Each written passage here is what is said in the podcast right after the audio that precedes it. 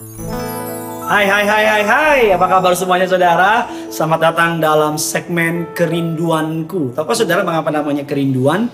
Karena kita memiliki kerinduan Saudara memiliki kerinduan sama Tuhan. Rasa rindu kepada Tuhan. Pemasmur mengatakan jiwaku merindukan engkau Ya Allah yang hidup. Yuk sama-sama kita tundukkan kepala.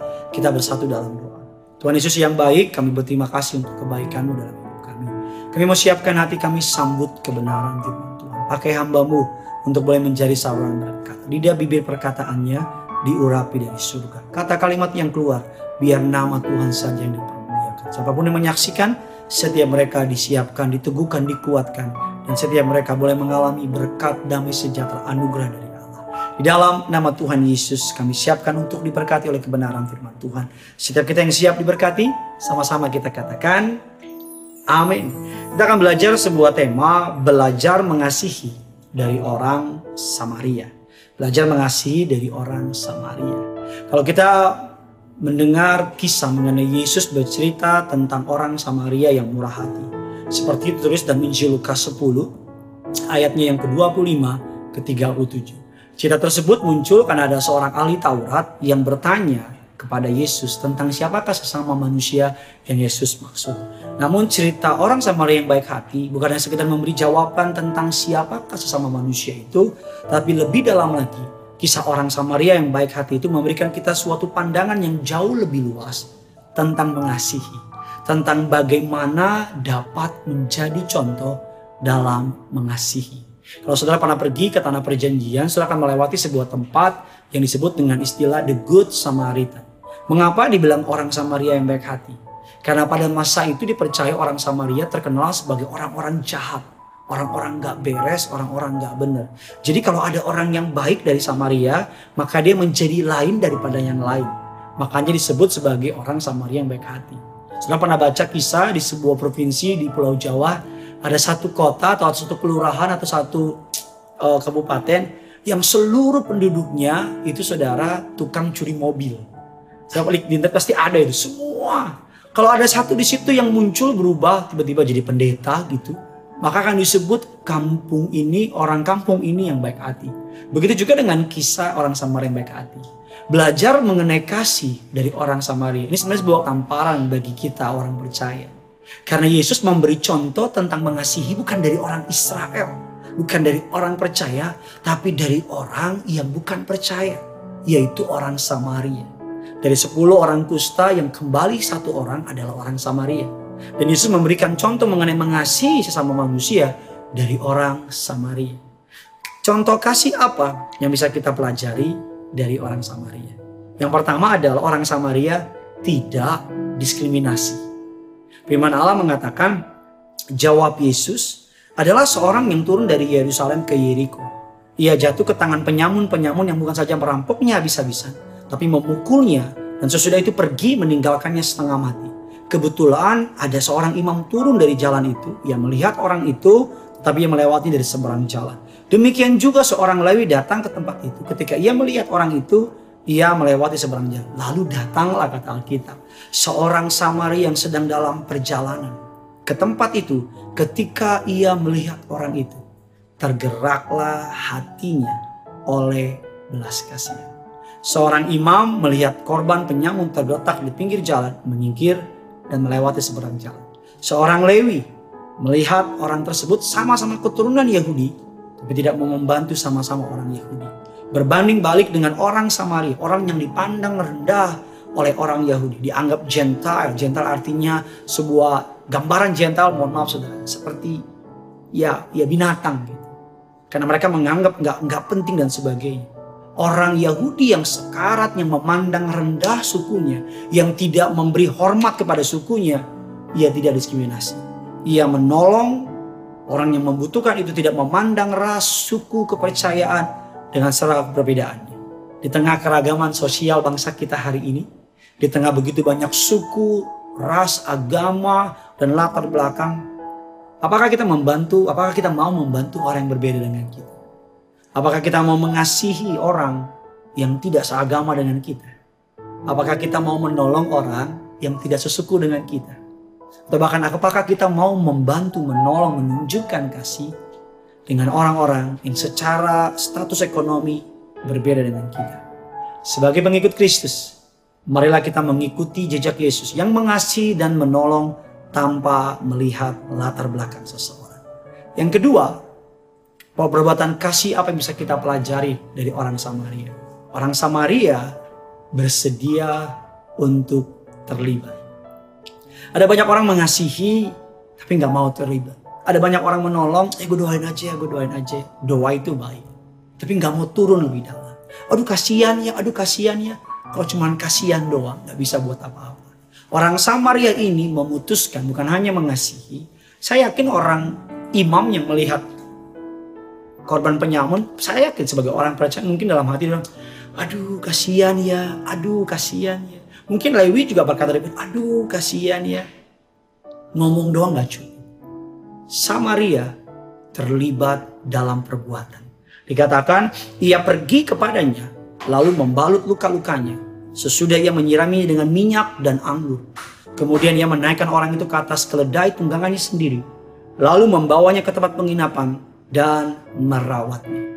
Ketika orang Samaria melihat korban penyamun itu, dia tidak hanya merasa berbelas kasihan, tetapi dia turun tangan membantu orang tersebut. Tertulis dalam ayat yang kita baca, ia membersihkan, membalut luka orang tersebut, kemudian ia menaiknya ke atas keledai, membawanya ke penginapan dan merawatnya. Orang Samaria itu mau terlibat. Saya percaya dia pasti punya kesibukan. Saya percaya dia pasti punya urusan, tapi dia pospon urusannya, membersihkan lukanya, membalut lukanya, taruh dalam keledai tunggangannya, bawa ke dalam penginapan.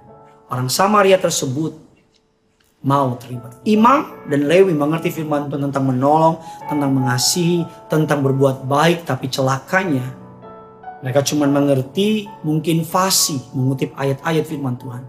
Tetapi mereka tidak berbuat apa-apa. Kalimat tersebut akan menjadi kata-kata semata jika kita hanya memperkatakannya, tidak mempraktekannya. Apakah kasih tidak lebih dari sebuah belas kasihan? Apakah cuma ngomong saja dapat mengubah keadaan seseorang? Saya percaya dibutuhkan lebih dari sebuah perkataan untuk mau terlibat lebih dalam lagi. Anda mungkin sudah merasa cukup baik selama ini dengan aduh kasihan dan sebagainya. Tapi Tuhan mau saudara terlibat secara langsung. Relakah Anda terlibat lebih jauh? Maukah saudara doing extra mile untuk jadi berkat buat orang-orang sekitar saudara? Bukan sekedar ngomong dong, bukan sekedar kasihan doang. Tapi terlibat aktif minimal dengan doa. Minimal dengan turun langsung. Apa yang bisa kita pelajari dari kisah orang Samaria yang baik hati? Berikutnya, bahwa orang Samaria mengasihi sekaligus mengorbankan hartanya. Dia bukan hanya sekedar mengasihi, dia bukan hanya sekedar tidak diskriminasi, dia bukan hanya sekedar terlibat langsung, tapi dia mengorbankan hartanya. Firman Allah mengatakan keesokan harinya ia menyerahkan dua dinar kepada pemilik penginapan itu. Katanya, rawatlah dia, jika kau belanjakan lebih dari itu, aku akan menggantinya waktu kau kembali. Lukas 10 ayat yang ke-37 tidak diragukan lagi bahwa orang Samaria ini mau mengorbankan hartanya. Dia mengatur keuangannya, dia mengatur manajemen uangnya, dan dia merelakan sebagian dari uangnya untuk dapat diberikan untuk orang yang membutuhkannya. Yang keempat, apa yang bisa kita pelajari dari mengasihi sebagai orang Samaria? Dikatakan reputasi yang baik menunjang kita untuk mengasihi dengan maksimal. Sebuah ayat akan menjelaskan apa maksud saya. Keesokan harinya, ia menyerahkan dua dinar kepada pemilik penginapan itu. Katanya, rawatlah dia. Jika kau belanjakan lebih daripada ini, aku akan menggantinya waktu aku kembali. Mungkin Anda bertanya-tanya mengapa pemilik penginapan mau melanjutkan perawatan orang luka tersebut. Bahkan dipesankan untuk tidak segan menggunakan uang pribadinya jika uang yang diberikan oleh orang Samaria ternyata kurang. Apakah orang Samaria pernah penginapan tersebut? Mungkin apakah orang Samaria tersebut pernah melakukan tersebut? Bisa jadi. Tetapi jikalau pemilik, pemilik penginapan mempercayai orang Samaria tersebut, besar kemungkinan dia memiliki nama atau reputasi yang baik. Sehingga dia mena mau menaruh orang yang dirampok itu dirawat dan dia izinkan pakai uang pribadinya karena dia percaya Orang Samaria tersebut akan kembali dan membayar apa yang menjadi kelebihan dari uang tersebut. Dan yang terakhir, harus memiliki yang namanya murah hati. Kita nggak bisa mengasihi orang kalau kita nggak murah hati. Kita nggak bisa mengasihi orang, menolong orang kalau kita tidak memiliki kerinduan untuk murah hati. Jawab Yesus, ada seorang yang turun dari Yerusalem ke Yeriko.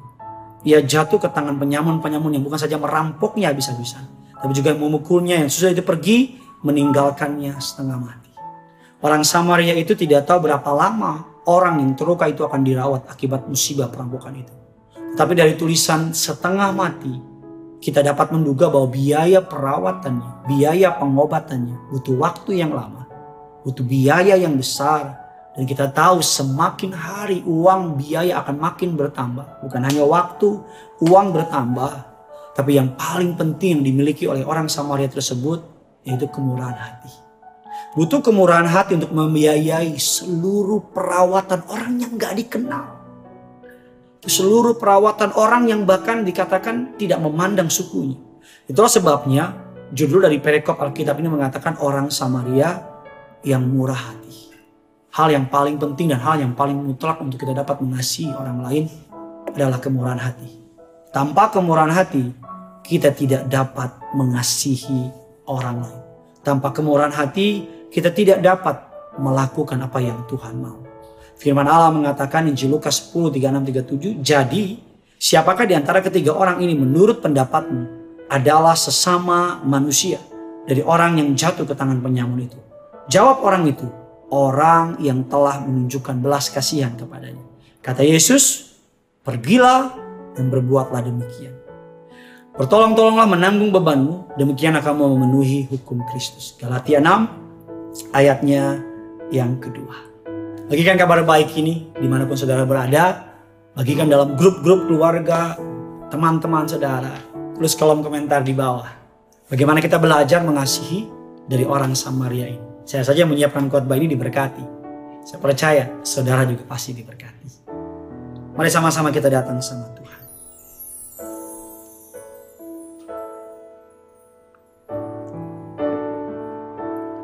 Ku beri kemuliaan dan hormat. Ku angkat suara pujian. Ku agungkan namamu. Ku beri kemuliaan dan hormat.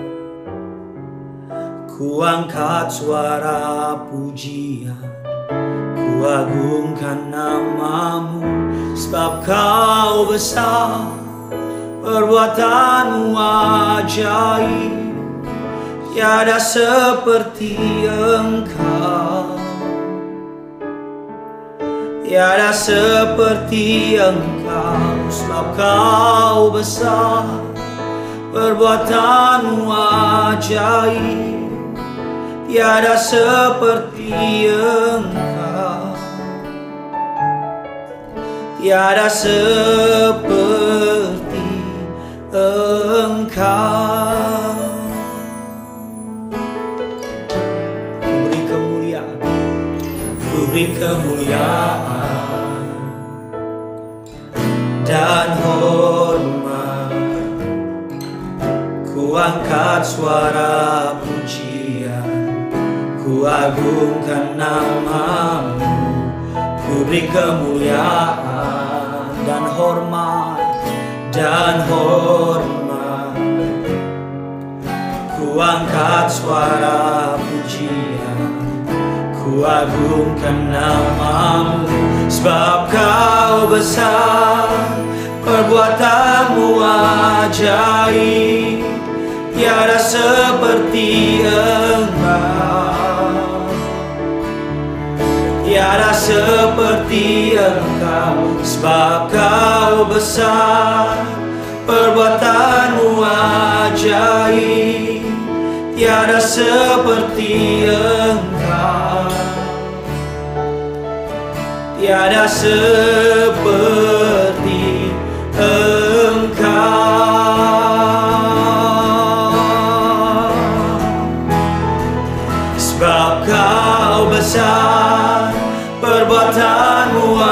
ajaib. Tiada seperti engkau Tiada seperti. Tiada seperti Sebab kau besar. Kau besar. Perbuatanmu ajaib. Tiada seperti Engkau Tiada seperti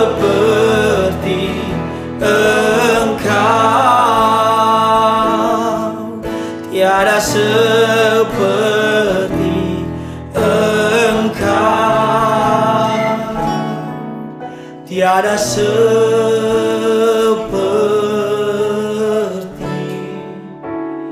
Engkau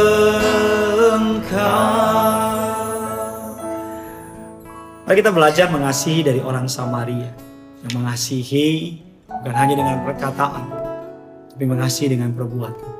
Yang mau terlibat lebih dalam, mengorbankan hartanya, memberikan seluruh kehidupan waktunya untuk menolong orang dan tidak mempedulikan berapa biayanya.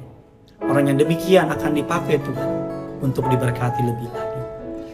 Saya berdoa agar firman Tuhan ini boleh menjadi kekuatan bagi setiap kita. Karena yang punya surga, crazy love with you. Bye bye.